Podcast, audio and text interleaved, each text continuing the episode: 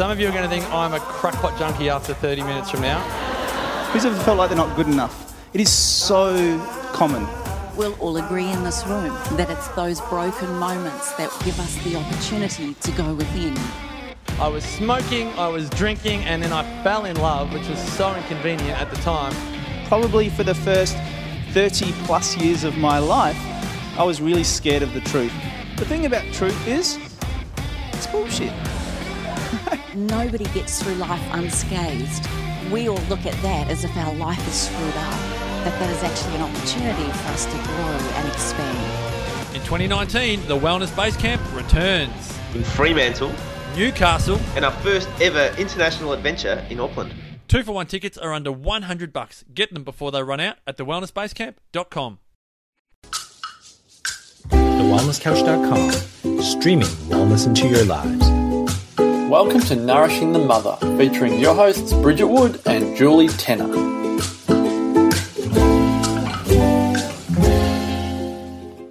Hello and welcome to Nourishing the Mother. I'm Bridget Wood.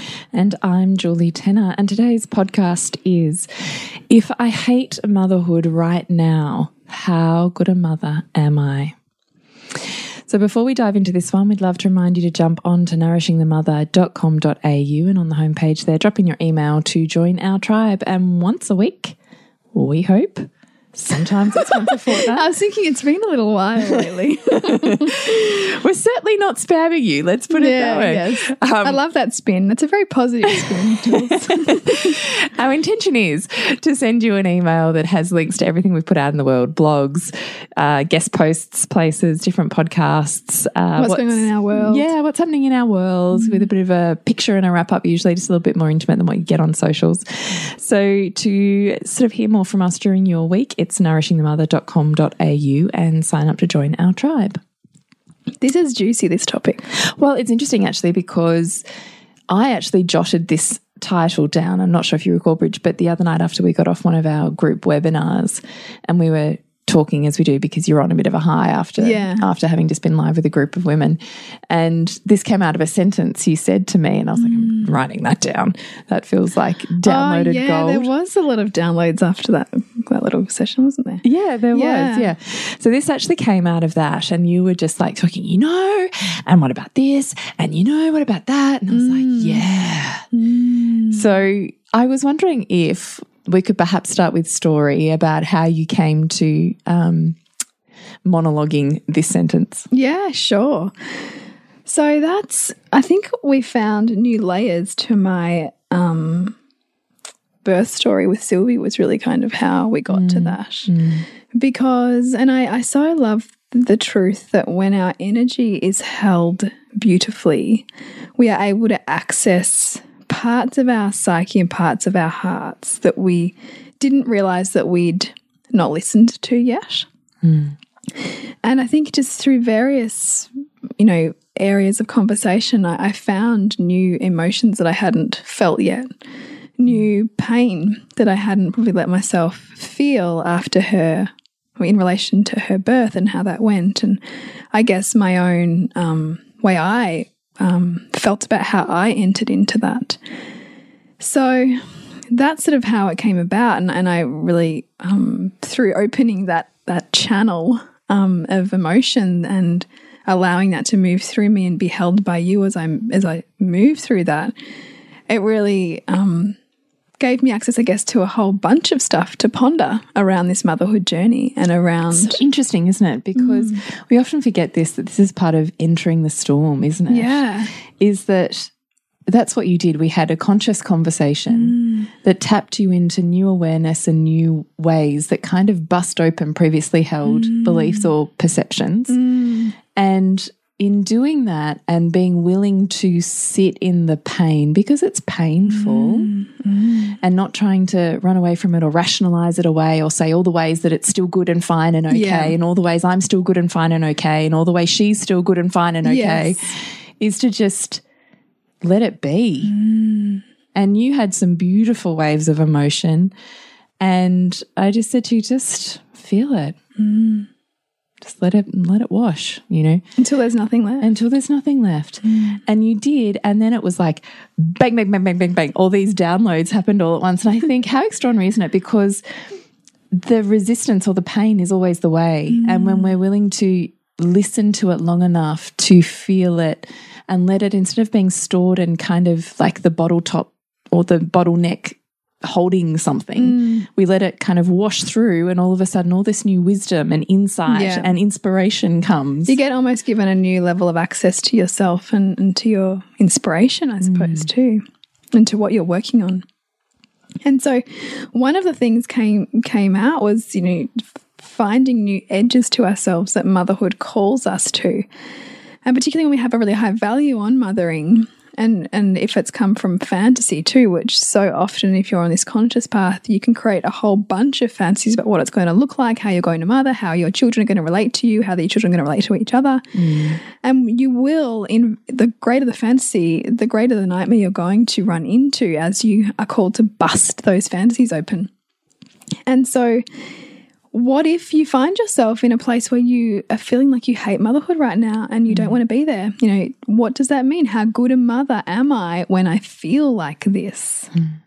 And that is something that I posed. And what does it mean? If I hate motherhood, am I actually the mother I think I am, or the mother I mm. actually want to be? Or do I actually value motherhood in the way I thought yeah, I did? Yeah, as much as I thought I did. Yeah. Mm. They're big questions, aren't they? They are. They really are. And I think, you know, our, by nature, our developmental process, the way that our values shift and change, they're going to call us into, you know, new areas where we might have, when we will realize that old ways of approaching things are no longer going to work and mm. old beliefs are no longer true for us anymore. And sometimes there's a resistance, I think, into letting go of, of things that have kept us safe or that have kept us on a track that we were comfortable with. Mm. But really, our growth is calling us into being willing to have the self awareness and courage to be okay with looking different now, to be okay with viewing our children through a different lens or through a more or more open-minded lens and perhaps we might have viewed them before with a different set of information that we were you know going into motherhood with or viewing childhood with or viewing ourselves as. Um, and so I guess I had a few different ideas about about how we could, you know, what, what our line of self inquiry could look like when we do feel like we're in that space of, you know, loathing, I suppose, because it's there, it's purposeful.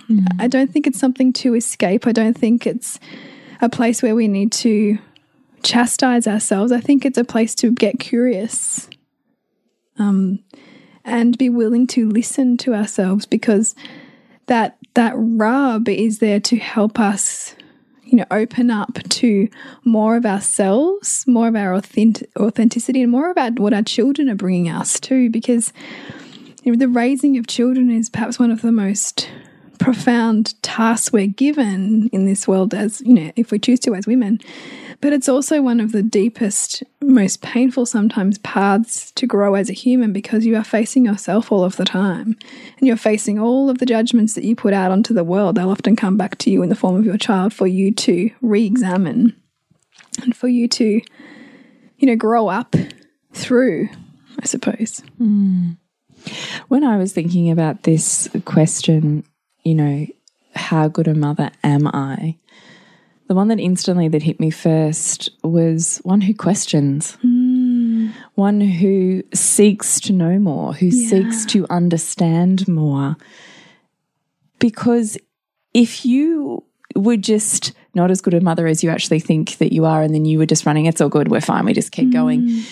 there would be no conscious thought about it. The very fact that you're pausing, you're questioning, you're feeling pain, you're feeling into that pain, and mm. you're recognizing perhaps some guilt, perhaps some shame, perhaps some disappointment and stuff happening that's falling off of a pedestal and all of that mm. stuff, perhaps a bit of identity crumbling the fact that that is happening says to me it is a top value of yours. And we can often think that the things that are our top values are the things that should be largely effortless and pain free and, um, just that whole concept. Uh, sometimes I think spiritual concept of it was meant to be. It would be easy. It would flow. It would just be easy, easeful. Easeful is the word. And I think that that can be a bit of a fantasy mm. because the very point of pain is growth. And the very mm. point of growth is more compassion, more insight, more understanding, and mm. therefore more wisdom. And the ability to access more and serve more in this world. You can't have wisdom without pain. So to expect that your top values, where the things that, that light you up the most, that you have the biggest gift in this world to give, will come without pain is a total illusion. Mm. So I think, how good a mother are you? A fantastic one because you are sitting there going, Is this enough? Mm. What's here? Am I enough? Yes. Which also really calls us into, you know, for you and I, it is a, it is again like we we we we seek to learn, like our learning's never done, mm. and that that creates fuel and greater service, and you know, to flip it, where would we be if we weren't asking ourselves, how good a mother am I? You know, you know, because Totally. that question keeps us um, in in our integrity in this value on motherhood. Mm. Because if we weren't continue, it's like anything. Like, how do I get better at this? So like anything we value. If you love running, you're always going to be looking at how you can improve running. Mm. If if we love. You know this, and and of course, love. When I'm saying love, I mean sometimes you freaking resent it. Yeah. sure. Yeah. Sometimes you hate training for running. Sure. You're still going to ask yourself how you can get better. Mm. And I think that that's all our kids are ever asking of us mm. to know more, to seek more, to understand more. And I mm. think that is the purpose of this conscious parenting journey is not so you can do better parenting. Yeah, whatever that looks, whatever that is. You don't do parenting. no. You don't do it to your kids. What happens is you stretch and expand your understanding and your perceptions, and you become a more wholesome mm. person. Mm. And that is the purpose. Because when you are more wholesome, you raise more whole humans. Mm. So the fact that it's hard right now, as Bridgie touched on, was a signpost. Hmm. There's nothing wrong with things not being right. Hmm. And there's nothing wrong with where you are right now. We are never off path. We are always on path. So the question is not, how do I get out of this? What's going wrong? The question is, why are you here? Hmm. And why are you here is like a friend. Why are you here? What are you here to teach me? What is it that I'm seeking to expand or learn? What does this tell you about where you're at, the beliefs and perceptions you currently have? Perhaps even what is it that secretly, maybe even not consciously to yourself, you are really wanting to change? Hmm. Or see some shifts in, but you haven't consciously been able to take that bull by the horns. Hmm. How does this push you in that direction? What is it that you need right now? Radical self prioritization to feel like you can hold more. Hmm. What do you need to feel back on your game again? And if you think about how you want to feel, then what are the activities that you can do that have you feeling the way that you desire to feel? Do that. Why aren't you doing that? That's a belief. Mm.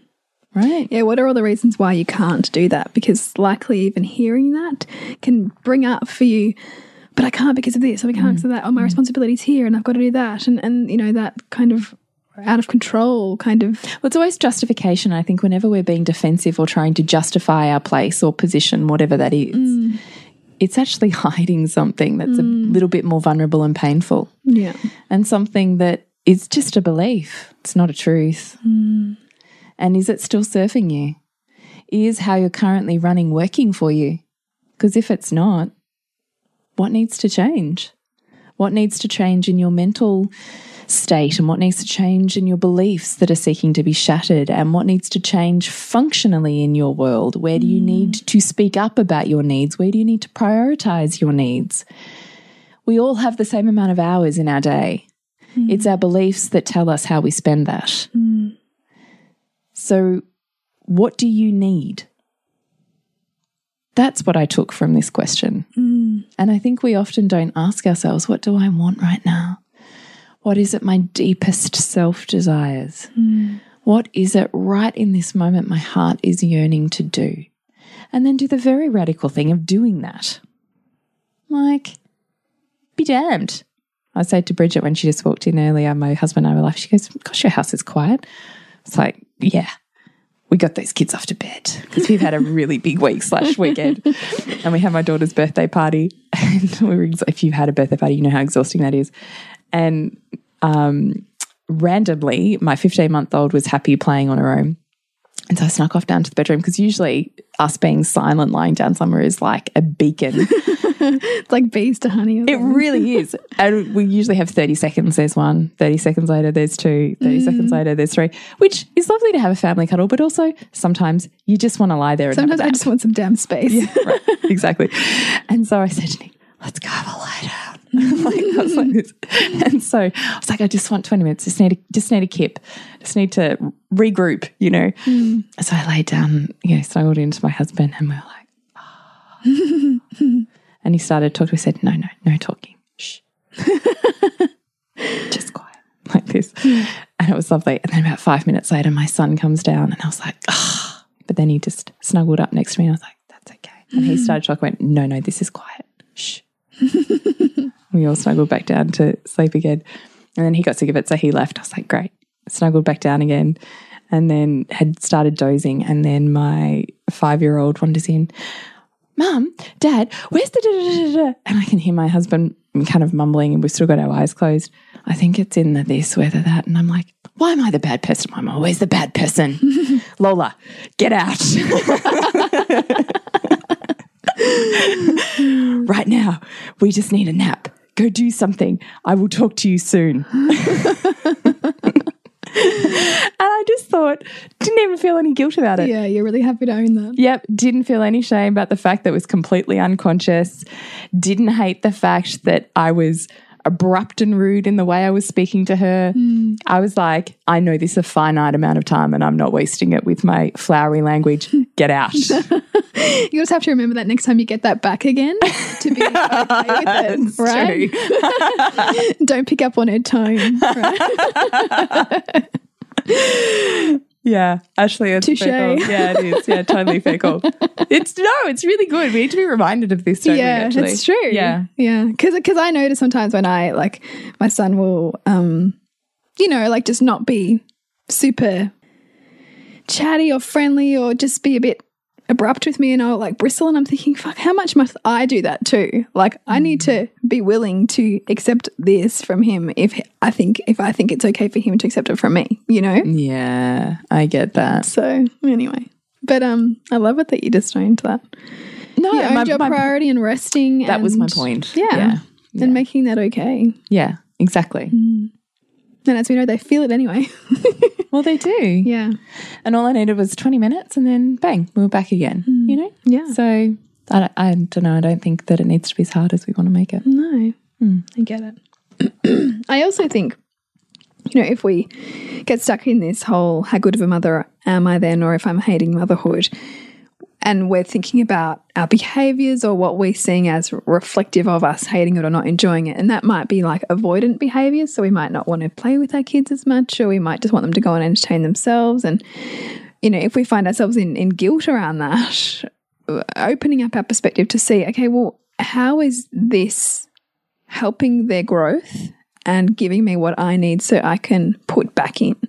Because I think so often we can get caught in this giving, giving, giving, giving, giving, even when we really we really don't want to, just in order to be of service to them.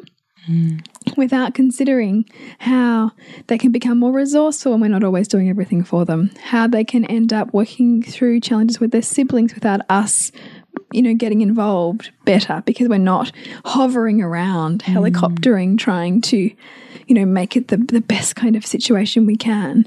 I think we need to look more widely at how this is actually purposeful for them too, in alignment with what they value. How are they getting, how is that little bit of perhaps freedom that they might be getting than they, than through your ap apathy, I suppose, mm. of service to them so that they can be more kind of on their own, you know, in their own rhythm without us sort of getting in there and and trying to shift it out the way that we want to see it or whatever it is that our mm. usual behaviors are that, that that we label as good mothering. I think it's important to look at you know what we're judging here and and why and what we're guilty about and why. And and uh, and see those as signposts for to help us learn more mm. about about how we can observe our dynamic with our children and also what we see our role as being because I think often in mothering it's just as much what we don't say and do as what we do say and do with our children. Hmm. Because the, the, our projections are powerful on our children deeply powerful. And and when we can have some re reservation with with how we enter into things with our children we also give them chances to work it through in their way which we might find is not our way but but it's allowing them to build that trust within themselves and that connection to themselves. Because if they're not always orienting to us because we're always there then they actually have to orient to themselves because they know in this moment mum's not here for me. Like mum's dealing with her stuff. Mum's not attuned. And we can judge that and say oh you know but attunement's so important and you know it's all about like connection. But but what how does the disconnection with our kids serve them hmm. You know i think it does mm. and i think it'd be be narrow minded to not look at where that is useful for them hmm. Perhaps even for yourself on your own journey. yeah yeah Because let's face it, if you're on a co- conscious parenting journey, largely it's because you're trying to undo or redo your past. yeah And so it's thinking about those parts that you considered really wounding, those times you were left, your needs were not met, your emotions were not considered, you were shut down or shut out. Where did that actually serve you for putting you in touch more deeply with your own inner voice? Mm, and I think also too when we when we are finding ourselves in these places of you know whether it's Groundhog Day or whether we're just finding it difficult to summon the energy to enter into stuff with our kids, it can also get us to confront our previously held um, truths about parenting. Like you know, for example, if we have a strong belief on screen time, and you know you have another child, and you realize that you're going to have to revisit that, revisit your maybe hard line about it, revisit your reasons behind why you hold the views that you have because your life is shifted now. Your priorities are shifted now, and the way that you parent has to shift with that. And, you know, I'm certainly finding that even at the moment with the dynamic with my kids and with where I'm at, that, you know, my son's spending a good chunk of my daughter's um, nap time on on the iPad. And, you know, initially I had this like, oh, like reservation with like screens. And, but I had to really lean into that and see that that's just a fucking dogma that I'm stuck in, in this whole screens are bad, screens are bad, don't let your kid have too much screen time mm. without looking at it critically about what my true values are, about what my child's true values are, about what they're choosing to spend their time on the screen doing, and how that deeply serves their own mission right now, mm. which for my son is Lego and building and creating, which he only ever watches on the iPad. And so I it, it calls us into more authenticity and congruency with ourselves and with our children because when we when things get painful, we're called to burn away the subordinations that we have to others, whether that's, you know, mm. friends, parents, ideologies, authorities, that shit has to burn away. Kind of like when you're sick, mm. all the shit that doesn't matter, it has to burn away so that you can get super clear on what you need right now. And I think the same thing happens when, you know, motherhood feels hard. We have to revisit the stuff that we were holding on to as truth in order to burn away what's no longer needed and re and and revisit mm. what our, you know, absolute values are you know which for you and i it's it's honoring our children. It's honoring mm. you know their growth in this world and who they are and and being courageous enough to listen to the voice within them and to help them grow in alignment with who they are not who they think they should be or who we think they should be. Mm. Who they are who they are showing us they are. And sometimes we need these spaces of pain and loathing in motherhood to be the catalyst for us to reshape how we show up for mm. them and for ourselves. Also, I do think that the point of it being hard is usually a sign to me that there's a, a transition happening. And I mm. often find myself, because I have reverence for transitions and I have some level of awareness around them, with when something's hard, I do find myself kind of almost taking a step back and going, okay, who's transitioning in this dynamic here? Mm. Because something's shifting. Someone is shifting. And because of that, we're all shifting around them Yeah. because we're in a dynamic. Mm. This is the thing with family dynamics is when one person shifts, changes, grows, transitions on, it shifts all of the energy. And so mm. everyone in that vortex changes mm. and is required to do a counter turn, you know, in some Yeah. respect. Yeah. So I do kind of think when it's hard, I'm thinking, what's the transition here? Mm. Who's moving somewhere right now? And how can we look at where that growth is for them and where it is for us and kind of buffer around that, offer some softness, maybe, mm. you know, a little bit around that. So that's also what I think about when things are getting hard. Hmm. What do you think about? Yeah, absolutely. And I think just just that how can I when, you, when we when we feel this immediate desire because we'll all have a pattern that comes up for us, right? Like when things feel hard, like we might have a a fight or flight or a desire to shut down or a desire mm. to run away or desire to fix mm. or change. But I think being present for as long as we can in those uncomfortable feelings and and making that place okay allows us to be able to feel into the wisdom of it, being able to see and enter into it consciously as a transformative act. And knowing that when we stay with it, we're going to find on the other side the gift in it, mm. even when it feels difficult. Mm. And, you know, we're also more able to access our own stories of why it feels hard, what it brings up for us. Just like transitions that our kids are going through, whether they're getting ready for daycare or kinder or school, and and that brings up our stories of mm. of you know whatever stored pain, whether we're conscious of it or not, is mm. there for us. Mm. Because it's an invitation for us. Isolation, Yeah, how Yeah. how can you be okay with being left, disconnection. yeah, you know, like your fears around how your child might settle in, you know, where does that come from in you? Do you have a story on, on feeling rejected socially and, and and how can you own your story and make your story more comfortable in your own psyche, in your own heart, so that you don't project that story onto your child and make it theirs. Because we grow, you know, and we're called to um, connect more deeply with ourselves when we're, when we're facing social isolation, when we're facing rejection. Yes, they're not nice things to face, but they also build us. And when we don't want our child to experience these things, we are essentially saying, Well, I don't want you to experience meaningful growth because they can be meaningful mm-hmm. experiences to have. And so, you know, when we're preparing our children for transition, we're also preparing ourselves for it because we're preparing ourselves to re enter potentially mm-hmm. painful places in our own stories. Mm. And to look at those two of those things together. Mm. And when our children invariably go there, sometimes they can drag us along kicking and screaming. Yeah. You know, if you haven't pre prepared or planned ahead, so to speak, Yeah.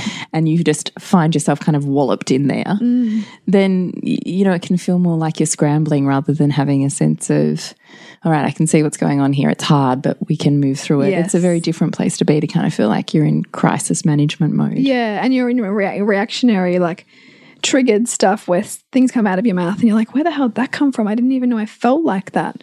It, that that's like a, a signpost for us to understand. Wow, like this, I was so triggered with my child then, and this, you know, what came out was doesn't even sound like me. So clearly, I've got some stuff here. Hmm. What is that stuff? How can I do my inner work to hmm. be okay with this transition that my child is facing? Hmm. It's really And what does it bring up for me as well? Yeah, because it's because we're in dynamic, it's never just them. No, never. And, and it's also also a co-creation. You know, we are co-creating in, in a way what they're experiencing because we need to experience it too. But the more, you know, I feel like the more that we can foresee, not foresee, but but but be willing to enter into what might come up for us, the more we can kind of be on the front foot for them too, in mm-hmm. terms of what they may face and how we can equip them with. You know, and it, it, all this stuff's in our transitions toolkit. It's, it's, it's the stuff like how do you help them, you know, enter friendships, enter dynamics in play, understand how to find, you know, kids in the playground that might like to play something that they're going to play. If somebody doesn't want to play with you, what how can you work that out for yourself? Can you, how can you be mm. okay with that? How can you connect with your own sense of resilience in yourself so mm. that you're not going to be falling to pieces because you can't find a friend and you know, all And how do how as a parent do you hold that space? yeah and lovingly and with compassion still feel connected to your child as you watch them struggle. Mm. Mm. Potentially. I Yeah. mean, maybe not. But I always think forewarned is forearmed, Yeah, right? yeah. And if you have an opportunity to, you know, gain some wisdom, which maybe you've got out of here, I'm not sure, and resource yourself with some additional tools, you may not find that you need to go there mm. because you do the learning consciously rather than mm. being unconsciously kind of swept up in it. Yeah, yeah, and also I think noticing what your you know what beliefs you're going into, um, you know whether that that environment with like what are you expecting of your child and you know why is that that you're expecting that of them and, and how much of that is your stuff and and and can you separate out the two and it's just really interesting to have that level of inquiry with ourselves about what our children are entering so that we can I guess co-create something with intention. Mm-hmm. Yes. Which is what we really want for you. So I just want to remind you our transitions toolkit, which is an ebook downloadable off our website, nourishingmother.com.au forward slash shop, is 50% off, saving you $22 until the 30th of November. Mm. So please check it out. And after that, it will go back up to $44, which still for the information that's in there, it's all of our wisdom collectively combined, plus, you know, just mum wisdom on how to move through mm. transitioning our children and therefore ourselves, Yeah. or perhaps the other way around. I mean, who knows? I mean, and I think sometimes too, even starting with a with a with a self inquiry questioning can be was can be super powerful because then it will even almost change what what our kids bring up because we're entering into that first. We're kind of going, what's my story on like social stuff and yeah. what am I feeling anxious about and and Yeah. why and and how I can get to a more of a level of comfort with that, um, so that.